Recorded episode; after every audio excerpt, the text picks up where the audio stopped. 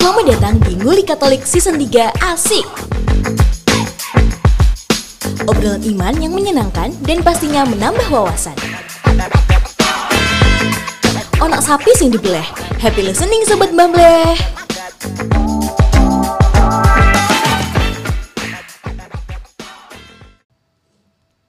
Inilah episode yang ke-23. Ketiga. Ya. Kemarin kita nggak nggak tayang karena nggak sempat take voice dan karena Vincent keseripahan ya Vincent Iya. ya. Ikut berduka cita ya. Ya, terima kasih. Jadi minggu lalu itu pas sebenarnya itu kan take voice-nya biasanya kami kan Selasa. Selasa kebetulan Selasa itu ya anu sih ada hal yang nggak diduga sebenarnya. Eh, nenekku itu kan posisinya ini kan lagi sakit, lagi sakit, lagi stroke gitulah, stroke. Nah itu sebenarnya sudah cukup lama dari September, sudah mulai September gitu, udah lama. Sudah perminyakan sebenarnya tanggal 17 September sudah perminyakan, terus kemarin tanggal 31 Oktober itu pas hari Selasa mau take voice, Ya, eh ternyata dihubungi. Kalau apa lagi kritis lagi kritis terus akhirnya ya ketika pulang begitu eh ya ndak seberapa sih cuma ya karena orang orang-orang panik gitu aja panik. Ini mau minta perpenyakan kan nggak jadi nggak jadi terus ditunggui sampai tanggal 1 tanggal 2 pas tanggal 2 November itu kan pas ini kan peringatan arwah seorang, semua orang beriman. Iya. Nah posisinya pas mau rapat juga tanggal eh apa hari itu mau rapat jam 7 dikasih tahu sama papaku tanggal jam setengah 7 kurang 10 menit 18.20 nenekku nggak ada. Jadi ya udah akhirnya pulang ya itu tahu kalau kalau nenek nggak ada. Ya wes lah akhirnya kayak apa ya? Kok pas banget gitu loh meninggalnya tanggal tanggal 2 dua ya. gitu. Heeh. Mm-mm. Ya paling enggak ya sudah didoakan lah. Ya, Ya, akan doakan. didoakan semua orang Katolik sedunia Mm-mm. ya tanggal 2 November itu. Beliaunya umur usia berapa? Tutup usia di usia berapa? 89 tahun. Oh, sama kayak yang kakungku. Beliau juga umurnya segitu ketika tutup usia. Eh, kalau kakek, Kalau kakek meninggalnya udah lama sih. Aku belum lahir malahan. oh, Jadi itu pas posisinya mamaku masih sekolah. Oh gitu. Masih sekolah masih SMP. Jadi belum ketemu Oh. papamu ya? Belum, belum ketemu. Jadi kalau denger ceritanya sih lucu. Denger ceritanya waktu gimana? kakek meninggal itu. Pas kakek meninggal ceritanya itu kan mamaku masih sekolah, masih SMP. Mm-mm. Nah posisinya kan eh, kakekku, aku manggilnya kalau kakek nenek yang dari mamaku ini aku manggilnya bapak sama ibu. Mm, Nah bapak ini anu apa meninggalnya itu pas jatuh dari kamar mandi. Eh, meninggalnya jatuh dari kamar mandi pas pagi atau siang gitu lupa. Nah adiknya mamaku ini tan- tanteku ini lari ke sekolah, lari ke sekolah, mbuh itu la- la- sudah ada tambangan atau belum di daerah Joyoboyo itu lupa. Lari terus ngomong ke gurunya, misi mau manggil nganu apa, manggil mamaku. Mamaku kayak mencak-mencak. Lapo sih toko ini? Mau sekolah ganggu. Jadi kayak mungkin mau ngajak main atau apa. Mm-mm. Kita ngasih tahu kalau bapak nggak ada. Oh, Itu sudah udah lama banget itu. iya. Ntar tahun berapa ya? Tahun 80 sekian lah. Wah, iya. Iya, kita berdua belum lahir ya. Belum, belum lahir. Iya, orang mama macam masih SMP. Tuh, tak kira Mbak Demas sudah lahir. Saya lahirnya di tahun 1900 20. eh 25. Oh, 25. Pas anu ya zaman pergerakan nasional ya. Ya, ya unda-undi sama Persebaya lah. Ya, supaya kan 1927. Ya, ya, ya. Eh, hari arwah orang beriman sedunia ya betul ya Ah. sebutannya itu ya. Ya, 2 peringatan November. hari eh peringatan arwah orang arwah semua orang beriman. Arwah semua orang beriman. Ah. Itu maksudnya gimana? Apakah eh, semua orang yang beragama Katolik atau yang enggak beragama Katolik pun juga dianggap orang beriman atau gimana itu? Jadi ini lebih tepatnya kayak peringatan ini ya, peringatan kita mengenang kembali orang-orang yang sudah meninggal. Ya kita mengenang keluarga kita, ya Sanak saudara. ah, ya ibaratnya kayak kita itu sebagai orang beriman ya kita juga mengen- mengenang mereka yang sudah meninggal duluan begitu. Makanya kan dinamakan peringatan arwah semua orang beriman.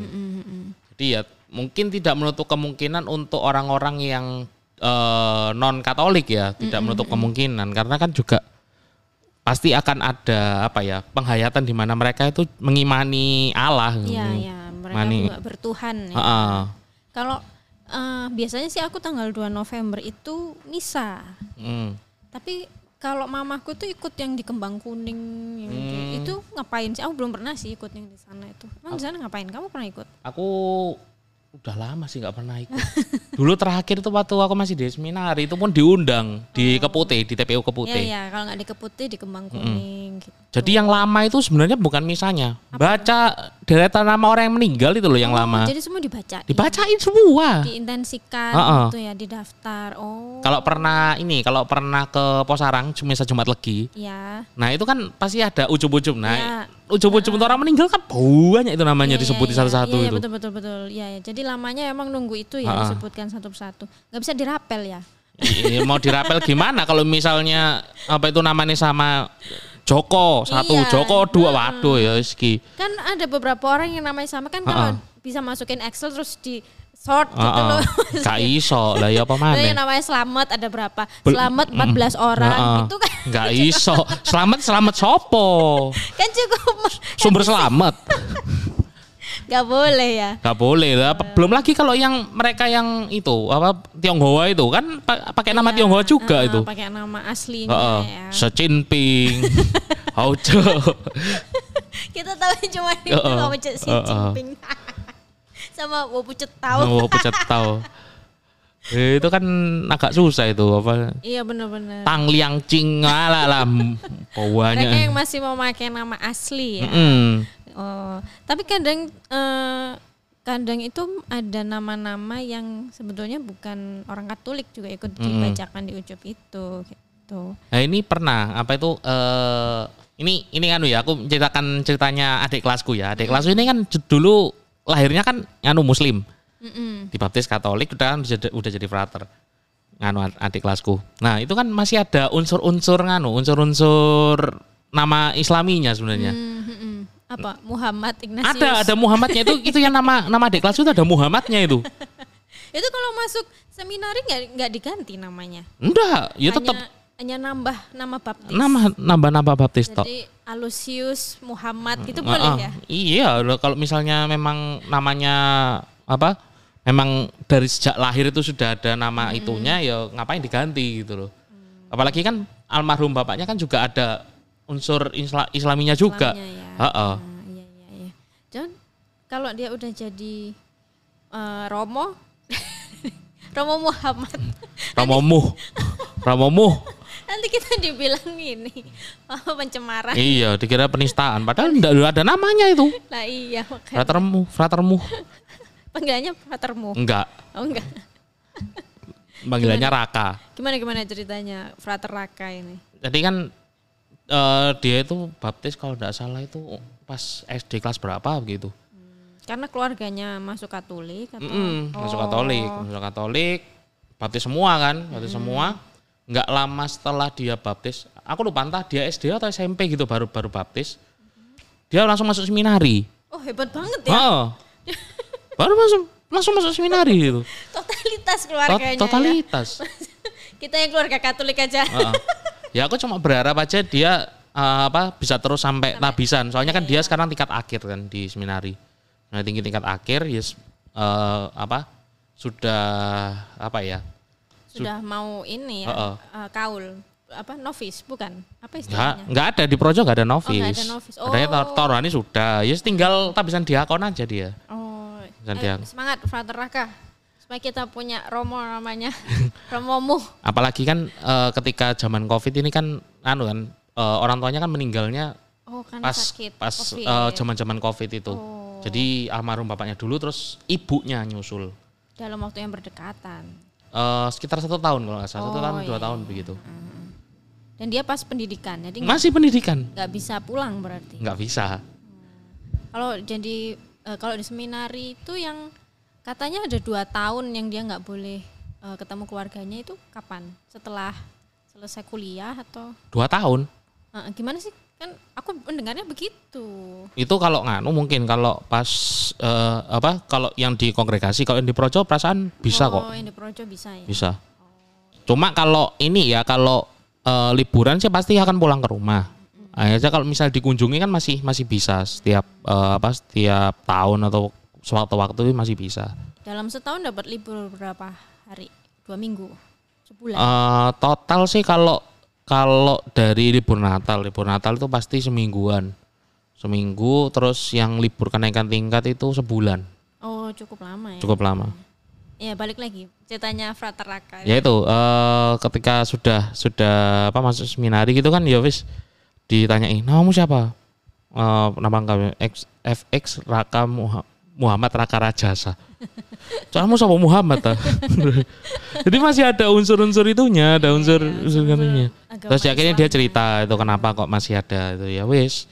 Dia cerita, ya akhirnya baru pertama kalinya aku menemukan eh, orang Katolik yang masih menyandang nama lamanya gitu. Mm-mm. Biasanya langsung ganti nama ya. Biasanya ganti nama.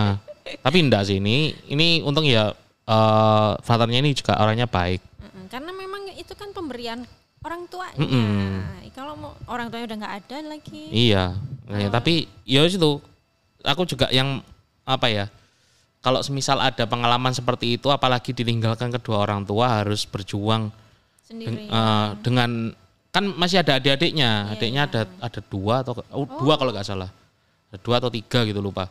Jadi ya dia sebagai anak sulung Akhirnya jadi tulang punggung ya. tulang punggung tetapi akhirnya dia tetap memilih untuk Untuk terus memilih seminari. ya. Mm-mm. Artinya komitmennya cukup kuat cukup ya. kuat. Ya. Eh percuma kan kalau misalnya dia keluar ya percuma dia baptis dari pindah agama ya percuma. sekali. Ya enggak dong. Ya percuma dalam artinya gini loh, eh, apa mungkin dia juga mendapatkan insight untuk masuk ke seminari begitu kan. Dia sudah memasrahkan seluruhnya kepada Tuhan ya wis sudah biar apa yang terjadi pada keluarganya ya wis itu bagian dari rencana Tuhan. Berarti dia akan punya dipelihara. iman seperti Ah, itu. Tetap akan dipelihara oleh Tuhan gitu kan. Ini kok jadi ngomongin orang lain? Gak apa-apa. Siapa tahu nanti yang diomongin kerasa. Tapi benar-benar menginspirasi sih selama aku bertemu dengan eh, apa Prataraka karena dia kan juga eh, teman satu angkatannya adikku hmm. Oh, Iya. adikmu juga di seminari? ya sudah keluar tapi Enggak, maksudnya di seminari Garum sana. iya Oh, sampai sampai di seminari tinggi juga kok seminari tinggi di STPD ini Iya, iya. Oh, oke. Kak, eh, STPD itu berarti kan setara kuliah ya? Mm Mahasiswa kuliah ya? mas mahasiswa Terus lulusnya juga sama kayak kamu adikmu itu. ya lulusnya sama kayak aku Esfil juga. Esville Esville dan juga mau ke tingkat akhir itu keluar Karena memang saringannya itu di iya saringannya itu malah ya. akhir-akhir Oh iya iya. Makanya eh, yang betul-betul eh, memilih hidup membiara itu eh, nggak maksudku kalau kamu ya kamu apa motivasinya waktu itu minta sekolah di seminari? Kalau motivasiku sih sebenarnya ya anu ya apa lihat sosok Romo seperti ini ya mau jadi Romo kayak gitu terus juga memurnikan panggilan di seminari pengen melayani umat dengan total. Tapi akhir-akhirnya melihat realita kok menakutkan ya jadi kayak dihantui ketakutan sendiri. Aku bisa nggak? Ya aku bisa nggak? Ya. Oh. jadi masih dihantui ketakutan itu akhirnya ya wis. Kayaknya aku nggak sanggup deh. Terus mundur aja. Oh gitu ya. Jadi itu memang eh, memurnikan apa? Motivasi. Memurnikan motivasi. Caranya gimana? Kalau kita yang awam ya, kita memurnikan motivasi kan dari tempaan-tempaan misalnya di eh, tempat kerja, Hmm. kemudian merasa ah ini cocok nih sama aku, aku terusin gitu. Apakah sama sebetulnya dengan Sama, sama, sama. Hmm. Jadi apakah setiap hari itu aku menghidupi hidupku sehari-hari itu berjalan let it flow atau Hmm. berusaha mencari makna setiap hari, menemukan pengalaman-pengalaman baik yang bisa tak ambil terus menjadi motivasi untuk panggilanku. Kalau aku sih, kalau aku sendiri ya, kalau aku sendiri itu mendapatkan motivasi itu justru ketika berjumpa dengan umat. Oke. Jadi ketika pastoral, perjumpaan dengan umat, kunjungan ke rumah umat gitu keliling-keliling. Ketika pandemi cut semuanya. Ah, iya. Stres, Dok. Oh, kamu malah stres ya. Stres saya. Kalau aku kebalikannya. kan Saya stres saya. mungkin karena jiwamu itu ekstrovert ya. Enggak sih, introvert sih kalau Oh, jarang. introvert ya. Masanya kalau aku aku tuh nggak nggak bukan nggak nggak suka ya apa ya Eh, nggak biasa aja keluar ketemu orang kemudian bersosialisasi. Aku Hmm. masih merasa eh, segen kalau nggak gitu rikus terus bingung aku ngomong apa ya ini gitu.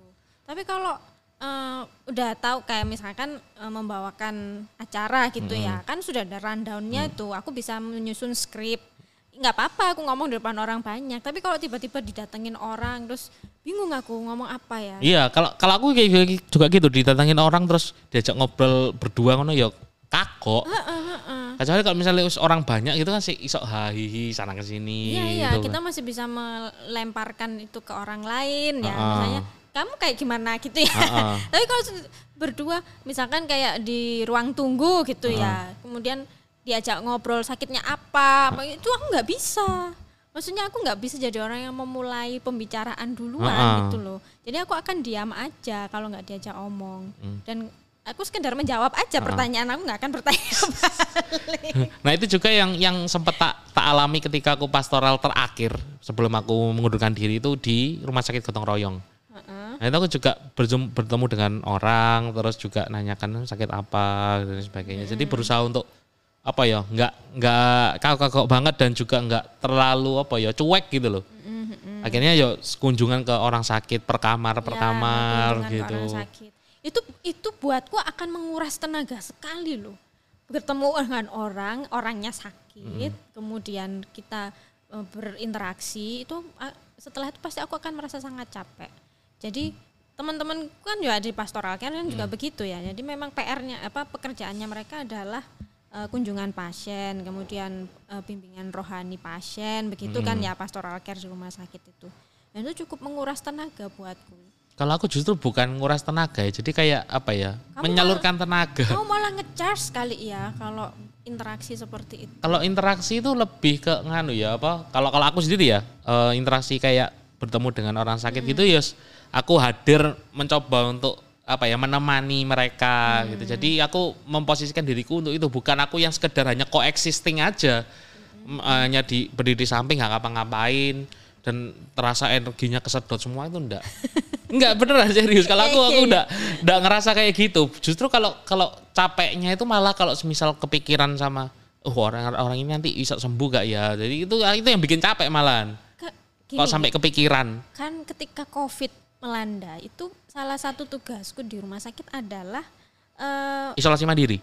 iya ngurusin karyawan kan karena eh, memang tugasku di kesehatan kerja. Jadi eh, ngurusin karyawan yang isoman. Mm. Ketika itu eh, protokol itu belum ditemukan, maksudnya belum serinci eh, be- belakangan ini ya, tapi eh, kita masih meraba-raba caranya. Nah, eh, setiap karyawan yang sakit itu eh, aku diminta untuk menginterview dan kemudian bukan menentukan, tapi me- apa ya, memperkirakan sumber penularannya dia dari mana? Apakah dari pekerjaan di rumah sakit atau dari luar? Atau habis makan kelelawar. Eh, bisa jadi, bisa Sumber jadi. utama Sumber kali. utama itu. Karena kalau itu eh, eh, kalau dari hasil analisaku ternyata eh, sumber penularannya dari pekerjaan, maka harus ada prosedur di rumah sakit yang di- diperbaiki, evaluasi. Jadi mungkin aksesnya yang dipindah atau eh, jendelanya yang dibukai semua, misalkan gitu ya. Nah, dari proses itu eh, satu orang karyawan yang aku interview itu bisa seharian aku merasa depresi loh. iya. Jadi aku hanya mendengarkan kan nggak bisa ketemu ya, Ah. jadi by phone atau chat. Oh tak kira nggak apa dari tembok ke tembok gitu. jadi pakai itu, pakai gelas. Pakai gelas. Gimana ibu? Perasaannya ibu? Gimana? Iya, karena aku sudah punya Hmm. kan daftar pertanyaannya apa aja, kemudian eh, ada Hmm. scoringnya begitu. Tapi di tengah-tengah itu pasti mereka akan bercerita. Dan awal-awal COVID dulu itu kan orang itu kayaknya nolongso banget gitu loh, karena isoman, nggak bisa ketemu keluarganya. Dan itu kayak nyamber ke aku gitu loh. Padahal aku nggak apa-apa, tapi setelah bicara sama orang interview ini aku merasa kok gini ya, aku kok bad mood ya. itu rasanya capek sekali loh Vincent. Capek. jadi aku tuh akhirnya aku bilang sama Mas Bayu yang di pastoral care di tempatku aku bilang kayaknya aku nggak bisa Mas kalau jadi kayak Mas gitu dari satu pasien ke pasien lain enggak lah kayaknya kesedot banget nanti energiku aku jadi bad mood sepanjang hari Aku lebih kalau kalau aku sendiri ya, kalau aku depresinya itu adalah kegiatan yang monoton. oh oke Jadi ya kayak biasa lah bangun tidur pagi misa, terus kuliah, terus apa makan Olahraga. siang, olahraga. Jadi semuanya di dalam eh, apa eh, lingkaran seminari doang, jadi nggak nggak berinteraksi dengan orang luar gitu loh. oh Jadi sekarang monoton, anci mosok yo ngene-ngene terus rek tak gawe. Jadi kayak aku harus bertemu dengan orang yang sama setiap hari satu kali 20 tujuh kali 24 jam. Ini di asrama ya Iya. ya ya ya Jadi aku harus bertemu dengan orang lain. Apalagi aku kan di rumah sakit ada proyek yang mau tak kerjakan. Mau bangun pastoral care yang nggak tahu sekarang sudah ada atau enggak di Gotong Royong. Ya Itu sebenarnya sudah sudah buat proyek itu tapi mandek-dek. Ya aku yang bingung mau ngapain. Ya, ya, jadi agak berseberangan kita. Iya. Aku lebih menghindar. Aku tuh sampai konsultasi loh aku sama dokter. Kenapa ya? Aku kok merasa begini ya? Oh iya, soalnya kamu tipikalnya kamu kan eh, bukan konselor, kamu asesor. Gitu. Jadi ketika orang curhat ke kamu, kesedot semua energimu. Oh iya benar juga ya. Dan eh, orang itu di di interview itu malah nangis loh. Ada mereka, di- aku nungguin mereka selesai nangis kan di telepon itu. Udah bu, nggak apa-apa, kan eh, udah diisolasi, udah gini. Uh, cicilanku belum selesai. Iya ada loh yang begitu. Oh, sampai, lah kenapa sih kamu ah, emang ada seseknya? Enggak. Terus kenapa keluhannya batuk? Iya batuk kering. Ya udah habis eh, habis isoman nanti kan di di tes lagi kalau sudah negatif boleh balik kerja. Malah nangis. Itu yang bikin aku terus aku harus ngapain kalau orang aku tuh serba nggak tahu harus bagaimana ya menghadapi orang menangis. Kalau orang marah karuan orangnya marah-marah ya aku ikut misuh-misuh gitu. Jadi itu eh, draining sekali apa ya menguras sekali untukku. Makanya aku lebih suka podcast karena nggak ketemu orang kan ya. Ha. kita hanya ya sesama podcasternya aja yang ketemu. Bahkan kadang aku menyarankan kita podcastnya dari rumah aja lah ya online saking introvertnya apa saking antisosial Ansos lah, lebih ke, lebih ke ansos sih daripada introvert. Iya iya lebih Tidak mau bertemu dengan manusia, maunya bertemu dengan alat-alat bedah. Enggak aku eh, kalau ditemenin anjingku tuh loh malah happy aku. Ya berarti podcast aja sama anjingnya. Podcast berdua. Kita udah tinggal berdua loh ini. Kita podcastan cuma berdua. Iya, cuma berdua. Jadi kayak aduh ya podcast horror ini. ya kebetulan eh, Nina juga masih ditahan sama rektornya. Kenapa dia kena kasus? Kena kasus. Seolah-olah dia Oh. kena kasus dok. Tias juga ditahan sama bosnya Iya ini kasihan ya. karena habis nilep uang kantor. Dia dimintain eh, apa? Dimintain kerja paksa. Eh, kerja paksa nganu pakai kultur stelsel. ya ampun istilah itu. Ya ya tanam paksa. Eh, apa? Eranya Dendles. Eh, Eranya Dedel sama nganu apa Cornelis van Houtman. Bener banget ya bener-bener. Ya ampun Vincent masih inget. Mm-mm. Ya ya ya. sama Cornelius van Toffel. Bukan sepatu lah itu. Alfonsus Alfons Alfonso Alfonso de Albuquerque. de Albuquerque bukan Alfonso de Liguri ya. Itu orang Kudus itu. Orang Kudus. Pelindung para pengacara. Oh iya iya. Iya, Alfonso de Liguri itu kan pendirinya Ordo CSSR, Heeh. Redemptoris dan juga pelindung ditetapkan sebagai pelindung para pengacara. Jadi kan tanggal satu kemarin kan anu apa Pesta eh, hari raya semua orang, Orang kudus. Kudus, eh. Baru tanggal 2 kan eh, apa hari eh, peringatan orang beriman. peringatan arwah semua orang beriman. Jadi masih ini ya, masih satu koridor. Kenapa sih kok tanggal 1 itu ditetapkan sebagai peringatan semua orang kudus dan tanggal 2 ditetapkan sebagai peringatan arwah semua orang beriman? Karena di gereja Katolik itu kita me- apa ya meyakini dan juga mengimani bahwa kita punya koneksi dengan komunitas yang lain. Komunitas yang lain itu adalah yang ditang- diperingati pada tanggal 1 Tanggal satunya. itu adalah termasuk komunitas gereja yang jaya. Jadi sudah mencapai kemuliaannya gereja yang mulia, gereja yang jaya yang sudah menang eh, per- pertempuran dan juga apa ya persiaran dunia. dunia fana Ah, ya, sudah dan juga eh, di yang tanggal 2 itu komunitas gereja yang menderita. oh gitu jiwa-jiwa di akhir ah. penyucian itu kan ya Ah, kita mendoakan mereka Jadi kalau misalnya ditanya apakah ketika kita mera- merayakan perayaan Ekaristi itu dua komunitas ini hadir? Hadir. Jadi kita juga eh, apa ya mengikuti Ekaristi itu yang hadir adalah para kudus, para kudus juga hadir di surga dan juga jiwa-jiwa yang meninggal itu juga ak- akan turut hadir. Di mana pun setiap misa itu dirayakan. Jadi bukan pada saat eh, apa pada saat tanggal satu tanggal itu toh eh, enggak, enggak ya. tapi setiap perayaan Ekaristi. setiap perayaan ekaristi oh jadi segitu dahsyatnya Mm-mm. ya perayaan ekaristi itu. Dan juga eh, kalau di ini ini juga kalau hal yang profan, hal yang eh, lain juga.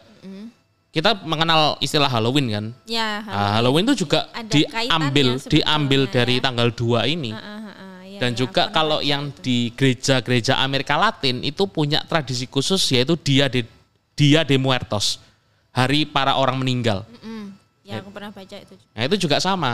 Eh, akarnya adalah dari perayaan dan juga peringatan hari semua orang peri- eh, arwah semua orang Arwah beriman. semua orang beriman jadi tanggal satunya kita kita minta didoakan ya tanggal Eh, satunya kita minta didoakan. Ka- tanggal duanya kita mendoakan Kita mendoakan. gitu kan ya Heeh. oke mudah-mudahan kemarin pada sempet ya misa eh, para kudus peringatan para kudus dan juga misa peringatan arwah semua orang beriman Ya, tapi yang ini kalau aku sharing juga kebetulan tanggal 1, tanggal tanggal, tanggal 2 itu aku nggak ikut misa. Gak apa-apa nggak ikut misa. apa-apa. Ta- aku sadar, aku sadar kalau tanggal 1 itu hari raya semua orang beriman dan juga masuk di lima perintah gereja bahwa Hmm. setiap orang Katolik itu harus mengikuti perayaan Ekaristi yang disamakan dengan hari Minggu. Hari raya hari raya yang disamakan Oh dengan hari gitu. Minggu. Tanggal iya. satunya itu. Iya. Oh, nggak tahu. itu aku. masuk itu masuk lima lima perintah gereja itu. Oh ya ampun, aku selama ini jadi orang Katolik baru tahu ini. Ya ampun. Padahal itu di puji syukur ada loh itu lima perintah gereja. Ya ada memang lima perintah gereja, tapi kan aku nggak hafal. Masa udah apal? Perin- Perintah gereja pertama itu rayakanlah apa itu ekaristi setiap minggu dan hari-hari raya itu. Terus yang kedua eh, mengikuti perayaan ekaristi yang disama yang diwajibkan. Ya, Yang diwajibkan. misalnya- Ah, kayak itu peringatan hari raya semua orang beriman kan Itu juga diwajibkan, diwajibkan. Ya kan aku taunya yang diwajibkan itu kenaikan Isa Al-Masih itu Hmm. diwajibkan toh. Eh, dengan dan juga apa perayaan-perayaan disamakan dengan hari Minggu itu masuk peri- perintah gereja yang kedua. Terus yang perintah gereja ketiga eh menerima komuni pada hari Paskah.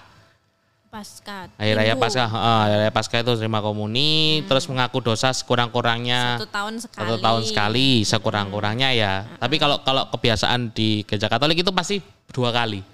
Pada Paskah sama Sebelum sebelum Paskah sama, sebelum, Natal. Iya, ada itu. ya percuma kan kalau misalnya kesekurang-kurangnya satu tahun sekali tapi biasanya itu selalu dua kali. Iya kan itu difasilitasi gitu loh.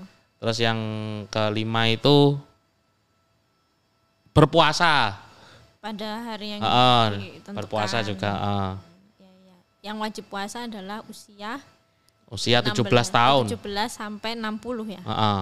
Yang wajib pantang baru 14. Oh, yang wajib. 14 pantang. wajib pantang. Kalau wajib puasa 17. Ya, ya, ya, ya, ya. Kalau itu aku tahu, tapi aku nggak tahu kalau tanggal 1 itu sebenarnya disamakan dengan hari Minggu. Disamakan hari raya. Hari raya yang kayak misalnya ya, misalnya tanggal 25 Maret hari raya hari raya Hari kabar raya. sukacita. Nggak tahu loh aku. Kok bisa sih aku ya? Loh, itu aku kasih tahu 25 Maret. Oh, itu wajib. Hari raya kabar sukacita itu wajib. Oh, astaga. Hari Maret itu wajib. Terus Iya, misalnya hari raya orang kudus misalnya, hari raya Santa Perawan Maria diangkat ke surga. Iya, Nah, kalau itu, juga itu juga wajib. Tapi kan biasanya itu dijatuhkan di hari Minggu, enggak ya? Bisa jadi bisa jadi kalau hari biasa. Enggak lah, masa Enggak, ke- ke- kecuali kalau misalnya nganu ya, jatuhnya hari Senin itu pasti dimajukan. Oh gitu. Biasanya kalau di tengah-tengah ya wes dirayakan pas Oh, pada tengah-tengah minggu itu. tengah-tengah Heeh. Apalagi apalagi? Eh, misalkan kayak ini eh pes oh pe- sorry pesta beda hari raya lagi ini tanggal 29 Juni hari raya Santo Petrus dan Paulus 29 Juni itu juga Biasanya hari biasa itu. Ah, iya jatuh. Itu wajib Oke. karena hari raya. Ya ampun aku ke mana aja aku baru tahu loh Vincent. Kebanyakan di gua sih. Bayangin perasaannya Tuhan Yesus ya Mm-mm. punya umat kayak aku ke gereja setiap minggu juga. Nih Mas, ngapain kamu delik di gua? Ayo sekarang udah waktunya hari raya, ayo pes, eh, ayo misa. Setiap minggu aja belum pasti ke gereja. Mm. Aduh ampunilah aku ya Tuhan. Biasanya ya turu. Iya kan kan hari Minggu itu satu-satunya hari aku bisa bangun siang. Mm-mm. Tapi kan masih ada misa sore kan? Ada memang. Itu itu pun jarang. Itu pun jarang. Makanya aku kalau misa itu Sabtu sore. Iya. Orang-orang pada malam mingguan aku ke gereja dong. Tapi kan setelah itu kan bisa malam mingguan. ya bisa setelah itu. Tapi aku kadang males malam mingguan tuh rame banget. tuh. Iya sih memang sih. Mana-mana. Malam minggu itu cuman buat orang yang nggak bisa seneng-seneng setiap malam. Hmm, iya sih, iya juga sih. Kalau aku kalau aku mending menghindari malam minggu. Iya emang. Mending hari biasa sih. Mending hari biasa. Sepi. Betul. Karena malam minggu itu cuman buat orang yang nggak bisa seneng-seneng tiap malam. Aku bisa soalnya. Nah, saya juga bisa. Ya itu makanya. Tapi biasanya males. Ya minggu eh, malam minggu itu cuman misa, habis misa udah pulang. Karena hari minggunya aku pingin bangun siang. Kan hari minggu adalah hari sabat. Iya. Le- le- lebih ke me time sih, bukan sabat sih. Lebih ke me time. Sabatnya itu Sabtu, Mbak. Oh, iya, iya. Sabatnya itu Sabtu. Ya maaf aku. Loh bukannya hari minggu ya? Sab- Enggak. Oh, Hari Minggu. Hari Minggu tuh hari pertama loh ya. Hah? Masuk? Hari pertama. Kan Hari- Tuhan beristirahat di hari ketujuh. Hari ketujuh Sabat. Sabat Oh. de- jadinya hari Sabtu. Enggak ada Sabat jadi hari Minggu. Aku selama ini selama ini aku berasumsi sabat adalah hari minggu. Enggak. Harinya kita nggak ngapa-ngapain. Enggak. Hari minggu adalah hari sabat, makanya aku nggak ngapa-ngapain. Loh justru kalau misalnya mau ditelusuri lagi ya, kalau mau ditelusuri lagi di KGK itu setiap umat itu wajib pada saat hari Minggu itu berkumpul. Berkumpul sama siapa? Aku setiap hari udah berkumpul. Berkumpul dengan keluarga, mungkin berdoa bersama kah atau apa kah? Ya kalau itu iya kan, ke gereja, Iya. ke gereja bareng. Nah, kan. iya. Ya udah. Eh tapi papaku tuh masih misa online loh setiap misa harian pagi. Hah? Masih ada misa online? Eh masih ada, masih ada yang menyiarkan misa online. Itu itu paroki mana itu?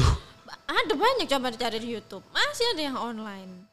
Tiap itu kan harian. kalau kalau nganu paroki-paroki yang di luar kota Kuskupan Surabaya. Kalau Iya, sekarang iya. kan enggak ada. Iya, hampir iya. enggak ada. hampir enggak ada kalau di Kuskupan Surabaya hampir enggak ada kalau yang online-online. Jadi papaku itu tiap pagi misa. Pasti ngikutnya yang di Kuskupan lain. Iya, yang di luar Surabaya. Iya, kalau Kuskupan Surabaya enggak ada, sudah Oh, enggak udah ada ya? bisa online. Oh, padahal itu kalau dimonetize Ini itu tujuan-tujuan komersil ini yang susah ini. Ya kenapa kita tidak mau monetize aja? Untuk nambahin kolektor. Kan selama pandemi berkurang kolektornya. Tapi percuma, buat apa? Wong umat, umat sekarang bisa ke gereja. Iya sih, kalau sekarang Kecuali kalau nggak bisa itu baru. Ya, Antara umatnya nggak mau atau males. Iya, yang kedua sih kalau Lebih ke males sih sebenarnya. ah, penyakit ini. Baiklah, Eh, kembali lagi ke orang meninggal. Karena ini pembahasannya soal orang meninggal. iya a- kalau Mbak Nima sendiri masih sering untuk nyekar enggak? Iya, iya, iya. Aku nyekar itu se- sebelum puasaan Ramadan. Kan i- tradisi orang Jawa kan ya. Sama waktu lebaran. Terus Natal, Paskah itu aku nyekar gitu. Itu sebetulnya kan tradisi akulturasi ya. Hmm. Bukan tradisi gereja Katolik ya. Kan. Tapi kenapa kok misalnya tanggal 2 malah di Kembang Kuning? Ya karena biar lebih dekat. Oh, lebih dekat gitu maksudnya ya. kan kalau misalnya ada umat yang punya keluarga yang dimakamkan di sana kan setelah misa bisa langsung nyekar. Oh, mereka mau nyekar. Oh, Oh, ya aku nggak pernah soalnya ikut di Kembang Kuningnya. Paling nggak di gerejanya lah. Eh, kalau aku ya aku dulu sih terakhir di Keputih itu. Setelah itu kan oh, umat langsung nyekar masing-masing begitu. Oh, itu tuh. Kalau aku nyekarnya nganu beda lagi sih. Kat- kalau yang kemarin kemarin tanggal 2 itu ya pas baru eh sorry tanggal 3-nya itu. Kan eh, nenekku dimakamkannya tanggal 3. Tanggal 3 siang itu baru pertama ka- bukan pertama kali ya. Maksudnya baru aku nyekar lagi ke makamnya anu kakekku. Hmm. soalnya dimakam dimakamkannya jadi satu. Oh. di Kembang ya. Kuning jadi Ah, satu. ada Jadi satu makam itu dua Dua dua jenazah. ah, ah, dua jenazah. Ya kayak mbahku ya gitu. Jadi ya baru kali ini dan juga akhirnya kemarin Minggu ah, karena aku kemarin Sabtu itu eh, apa memutuskan untuk misa. Jadi Minggu itu tak intensikan khusus untuk nyekar. Oh. Nyekarnya keliling Ke mana aja? ke Keputih. Jadi aku berdua kan sama doi. Heeh. Yang di Keputih ini keluarganya doi. Terus yang di Kembang Kuning itu ke mbahku sama ke TPU Delta Praloyo di Sidoarjo. Walah toy. Jadi nyelentang timur, barat ke selatan. Oh, jadi seharian itu Seharian. memang untuk nyekar. Heeh. Niatku kan maunya pagi sih jam berapa ya jam setengah sepuluh gitu jam setengah sepuluh atau jam sembilan. Eh ternyata baru berangkat jam setengah dua belas. Tengah hari. Setengah hari tapi untungnya ya untungnya itu mendung. Oh iya karena Sabtu malam hujan. Heeh, satu malam hujan tapi untungnya ya Iya. untungnya itu mendung. Iya iya iya. Jadi nggak Jadi nggak ke- kepanasan banget gitu loh. ngetang-ngetang kayak biasanya Heeh. ini nggak nggak ngentang-ngentang kayak biasa. Jadi ya panasnya biasa dan anu apa cenderung mendung. Iya iya memang seharian agak mendung. Jadi kalau nyekar ini nih pertanyaanku dari dulu belum ada yang berhasil menjawab. Kalau nyekar Hmm. kita berdoa apa sih? Berdoa bapak bapak kami aja kan nggak apa-apa. Nggak apa-apa. Nggak ada doa khusus, Nggak ada. doa Nggak arwah. ada. Nggak usah ya. Ya kalau kalau kita pun nyekar itu kita kayak berkomunikasi dengan orang yang Ah, kita itu. kunjungi. Nggak apa-apa ya? Nggak apa-apa. Soalnya kan ah, kalau kebiasaanku ke makam itu aku selalu panggil namanya. Halo Eyang gitu. Ah, nggak apa-apa.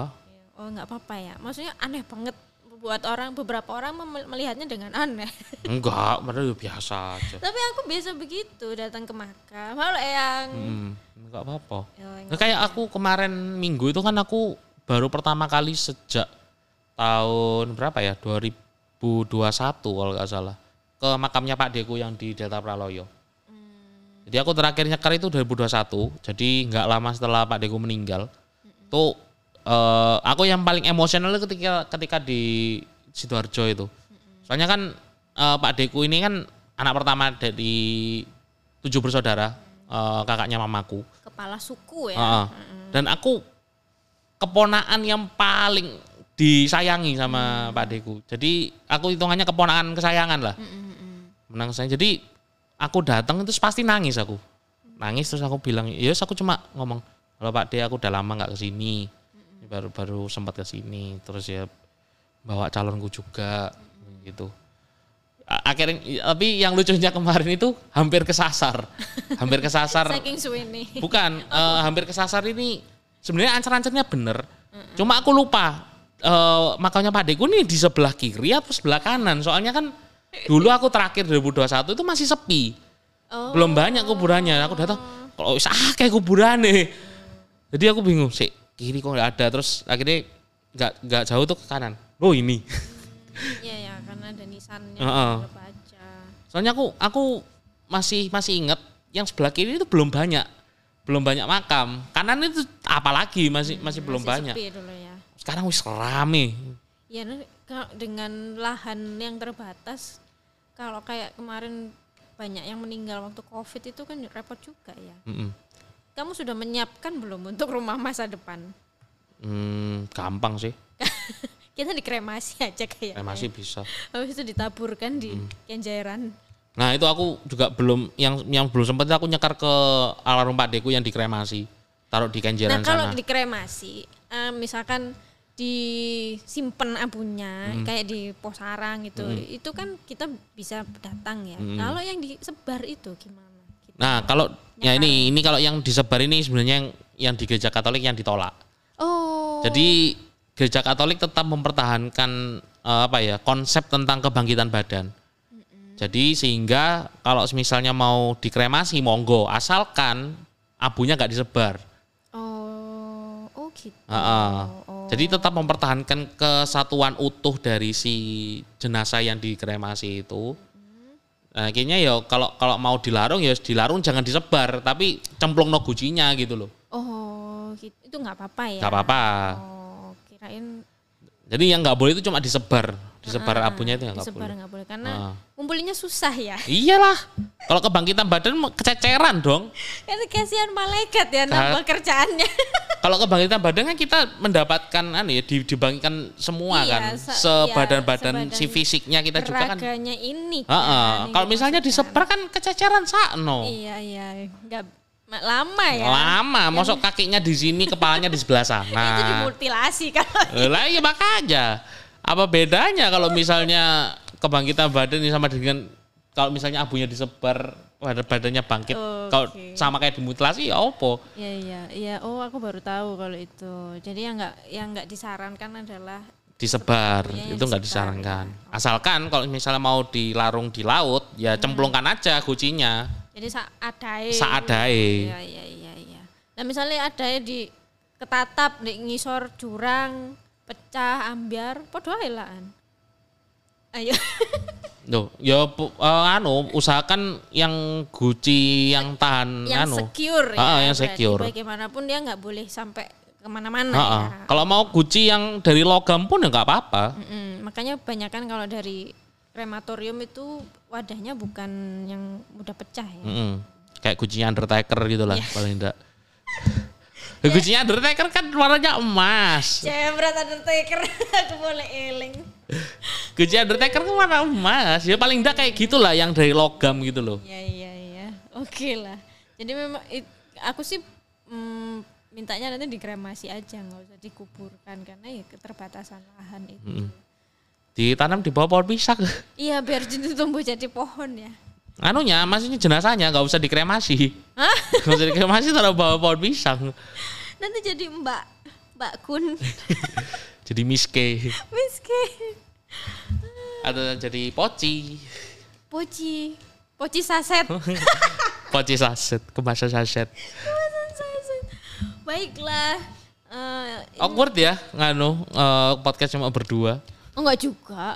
Eh, kita nggak biasa aja. Iya nggak biasa sih. Nah, bahasanya jadi nggak ke mana-mana aja Iya, kan. iya nggak ke mana-mana. Tapi kan kalau bisa aja lebih banyak kan bisa ke mana-mana dikit lah. Ya aku yang capek mem- mengembalikan ke jalan yang benar. Aku yang nggak biasa belok, yang biasa belok-belok sekarang agak susah. Iya, Karena iya, orangnya cuma berdua, gak ada yang nimpalin. Ya semoga episode berikutnya kita sudah full tim lagi. Heeh. Kayaknya susah sih. Kamu kok pesimis? Biasanya cuma bertiga doang. ya nggak apa-apa bertiga plus siapa gitu ya. Kita tungguin ya yang mau gabung di podcast kita ini boleh kok. ya. Boleh. Boleh banget. Tinggal komen aja. Atau mau mewawancara yang sudah meninggal pun ya nggak apa-apa. Nggak bisa pakai nganu spirit box ah, jangan atau nanti pakai Ouija. kita dihujat nanti.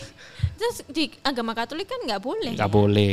Itu kan termasuk nekromansi, nggak boleh itu. Nekromansi. Heeh, istilahnya. nekromansi itu kan memanggil arwah yang sudah orang arwah orang yang sudah meninggal. Kan kasihan ya mereka. Iyalah. Enak-enak istirahat dibangun. Ya kan kayak di kitab suci kan ada tuh praktek nekromansi itu kayak siapa? Eh, Saul. Saul Raja Saul itu kan manggil ini apa rohnya nab, itu apa siapa? Nabi Samuel. Kan dihujat akhirnya, nggak boleh itu. Boleh kan memang ya kan kasihan. Manggil dukun, manggil dukun buat manggil rohnya dan anu Samuel. Itu termasuk ilmu hitam. Iyalah, nggak boleh. Terus kalau kita sudah eh, ter, ter- apa ya kontaminasi ilmu hitam gitu ada eh, penangkalnya nggak di agama Katolik? Misalnya dibaptis lagi atau kristal lagi? Enggak. Nggak ada. Ya paling is ngaku dosa lah. Oh pengakuan dosa aja. Terus kalau ya mungkin ini bisa dibahas di episode lain ya. Hmm. Eh, apa sih eksorsisme? Oh, exorcism. Nah, itu ada Ada ilmunya sendiri ya. ada ada doanya sendiri khusus. Oh. Terus kalau misalnya kita eh, lihat Mbak K atau Poci, kita berdoa apa? Ya yes, kita mendoakan aja. Oh, gitu. Jadi kan sebenarnya orang yang meninggal kalau misalnya nganu ya, ini nyerempet-nyerempet ke hal lain, eh, intermezzo. Jadi kalau semisal apa eh, kita yang mungkin ya, yang mungkin melihat arwah atau apa, Hmm, yang orang yang peka atau itu. jin, eh, gitulah. Sebenarnya mereka itu hanya minta didoakan. Oh, mereka menampakkan diri itu katanya juga membutuhkan Iya. ener- energi yang sangat besar. Iya, karena energinya kan dari doa. Ya mereka hanya membutuhkan doa supaya jalannya mereka bisa lancar gitu loh. Jadi arwahnya ndak ndak bergentayangan. Kalau diimpeni sama yang sudah meninggal, itu minta didoakan juga artinya atau bagaimana? Ya doakan saja lah. Iya iya sih kalau aku begitu. Iya doakan saja. Berarti kalau misal kamu diimpeni misalnya sama orang meninggal ya keluargamu itu berarti kamu kurang berdoa buat mereka. Oh, jadi diingatkan. Ah, ah, ya. diingatkan. Iya, iya. soalnya beberapa waktu sebelum perayaan arwah orang beriman itu aku sempat diimpeni. Nah itu karena tanggal 2 itu pas momennya doakan mereka. Ya, Oke, ingat-ingat ya Sobat Bamble tanggal 1 November itu wajib misa. Wajib bisa hari Jangan raya. kayak- jangan saya jangan kayak saya. Jangan kayak saya, saya nggak tahu. Kalau saya lupa. Memang sengaja nggak nggak misa sih. Emang sengaja kalau dia, kalau aku kan nggak tahu. Emang ada ini ya, eh, apa kadar dosanya berbeda ya? Nah, kalau kalau katanya Romo Romo dosenku, dosen dosen teologi moral itu katanya udah termasuk dosa besar.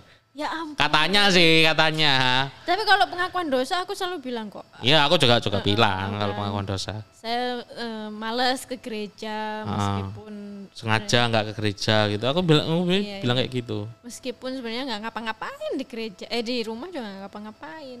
Males aja ganti baju, effort. Astaga. Ki- mi- eh, harus effort tapi minta effort ke cowok. Nah. minta effort lebih. Kan nggak adil namanya. Baiklah, kita a- akan aku ingat-ingat dan akan aku tandain di Google Calendar supaya aku nggak lupa tanggal satu aku harus misa. Semoga sobat Bamble juga eh, nggak luput ya kayak saya Eh, dan apa ya? Dan saya juga. Kalau kamu sengaja kan. Itulah. Jadi mari kita mendoakan Tang- tanggal satu itu kita minta didoakan ya. Tanggal 2 kita mendoakan. mendoakan. Dan mendoakan itu nggak hanya pas tanggal 2 November aja. Nah, setiap waktu. Setiap waktu kita bisa mendoakan Mm-mm. ya. Kita mendoakan juga teman-teman yang hari ini belum bisa bergabung. Mm. Semoga Dan yang sudah meninggal. Iya kan, ya, teman-teman yang sudah meninggal. Aku aku punya teman yang sudah meninggal aku soalnya. juga punya, aku juga punya. Aku punya sahabat, dua orang sahabatku waktu SMP sama sahabatku ketika kuliah em, meninggal di usia muda ya. Mm. Eh, karena ya disayang banget sama Tuhan makanya mereka dipanggil lebih dulu. Semoga sekarang sudah bahagia ya Amin. bersama dengan para malaikat orang kudus dan Bunda Maria. Eh, mari kita saling mendoakan dan Dengan tiga kali salam Maria. eh serius nutup Enggak, podcast podcast setelah Maria baru ini ya. kalah ini podcast horor. ntar ntar sampai rumah kita akan men- eh, mendoakan ya. Titip doa juga buat kami berdua supaya eh, nggak males podcastan ya. Emang ini musuh terbesarnya adalah males sebetulnya. iya, musuh terbesarnya Ah, males. males sebetulnya. Ya eh, minggu depan mudah-mudahan kita bisa bahas tentang komitmen ya. Hmm. Komitmen yang nggak boleh kalah sama rasa males ini. Terima kasih sudah mendengarkan podcast Ngulik Katolik. Eh, saran dan masukan untuk topik maupun apa ya kalau mau gabung ikut podcastan di tempat kita boleh selama domisilinya di, di Surabaya ya. Kalau di Jakarta ya tiket PP ditanggung sendiri ya. Baiklah. Sampai ketemu di podcast Ngulik Katolik episode berikutnya. Tetap dengerin podcast Ngulik Katolik karena iman tumbuh dari Pendengaran. Terima kasih. Makasih.